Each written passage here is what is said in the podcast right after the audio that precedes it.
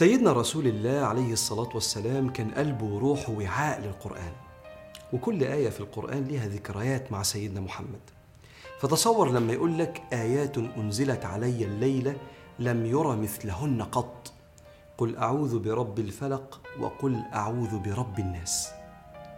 أكيد مش محتاجين نوصي بعض إزاي علاقتنا لازم تكون مختلفة مع الصورتين دول الفلق والناس بعد ما سمعنا الكلام ده من سيدنا محمد.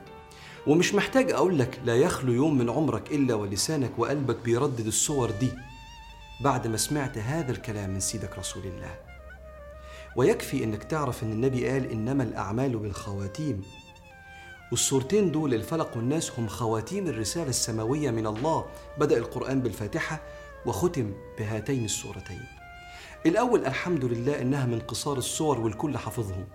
لكن يتبقى أنك تفكر وتتأمل في المعاني عشان تجري معانيهم في دمك وتبدأ روحك تتواصل مع أكتر صورتين سيدنا رسول الله قال فيهم لم أرى مثلهم. ونبدأ بسوره الفلق وهي سوره الاحتماء بالله من شرور الأكوان ومن إيذاء الإنسان.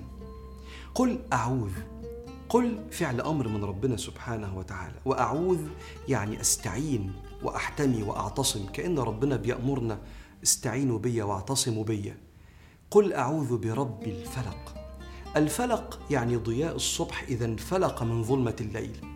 كأني بقول له يا رب يا من أخرجت الضياء من ظلمة الليل احفظني وأخرجني من ظلمة الشر إلى أنوار الخير. قل أعوذ برب الفلق من شر ما خلق. فالكل في قبضتك لأنك الخالق. وكل مخلوق أو كل إنسان في الدنيا ليه شر وخير. فأنا بقول لك يا الله الصاحب الزوج الزوجة الأولاد الشغل أستعيذ بك من شر ما خلق ليبقى لي خير ما خلقت. ومن شر غاسق إذا وقب. الغاسق هو الليل.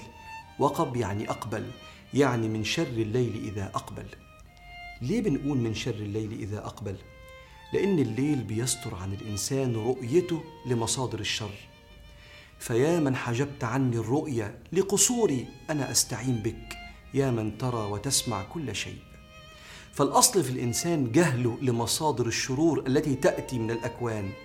ما نعرفش الرياح العاتية ممكن تيجي وتعمل فينا إيه. ما نعرفش البرودة القاسية ممكن تعمل فينا إيه.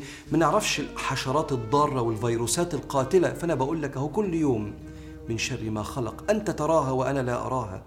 يا مولانا تولانا واحفظنا من شرور الأكوان التي لا طاقة لنا بها. ومن شر النفاثات في العقد الآية دي ليها معنيين.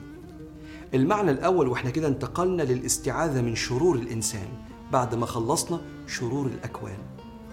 النفاثات في العقد المعنى الأول يعني السحرة. وكان من تقاليد السحرة زمان يعملوا عقد كده وينفثوا كده هو فيها بالسحر اللي هم بينووا بيه إيذاء الشخص المسحور. فمن شر هذه الفعلة اللي فيها كيد وإيذاء من شر النفاثات في العقد.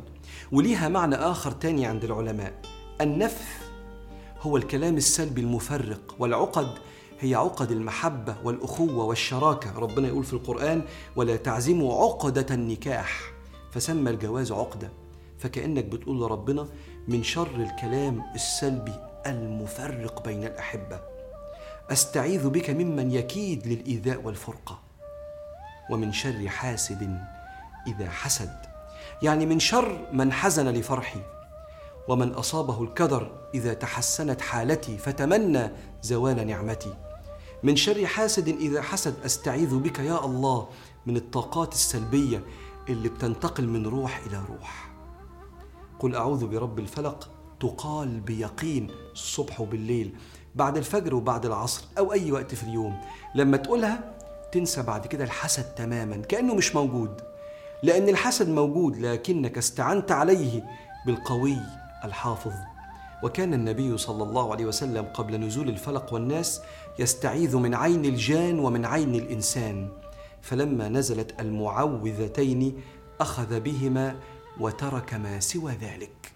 فاستعين بالله بقراءة سورة الفلق.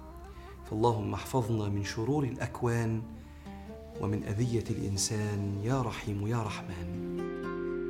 thank you